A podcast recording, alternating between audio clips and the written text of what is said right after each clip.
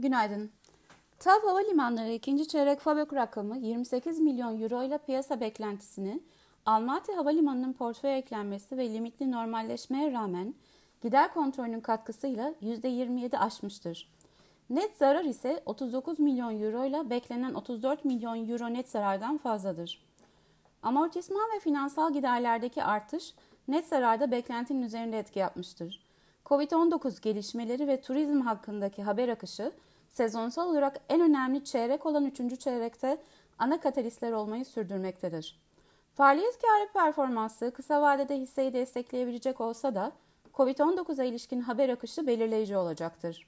Hali hazırdaki durum, Türkiye'ye özellikle Almanya ve Rusya'dan gelen turistler, Gürcistan, Makedonya ve Almaty havalimanlarındaki toparlanma açısından olumlu bir üçüncü çeyrek başlangıcını işaret etmektedir. Hisse için uzun vadeli hedef fiyatımızı hisse başına 36 TL olarak koruyor ve endeks üzeri getiri tavsiyemizi muhafaza ediyoruz. İyi günler dilerim.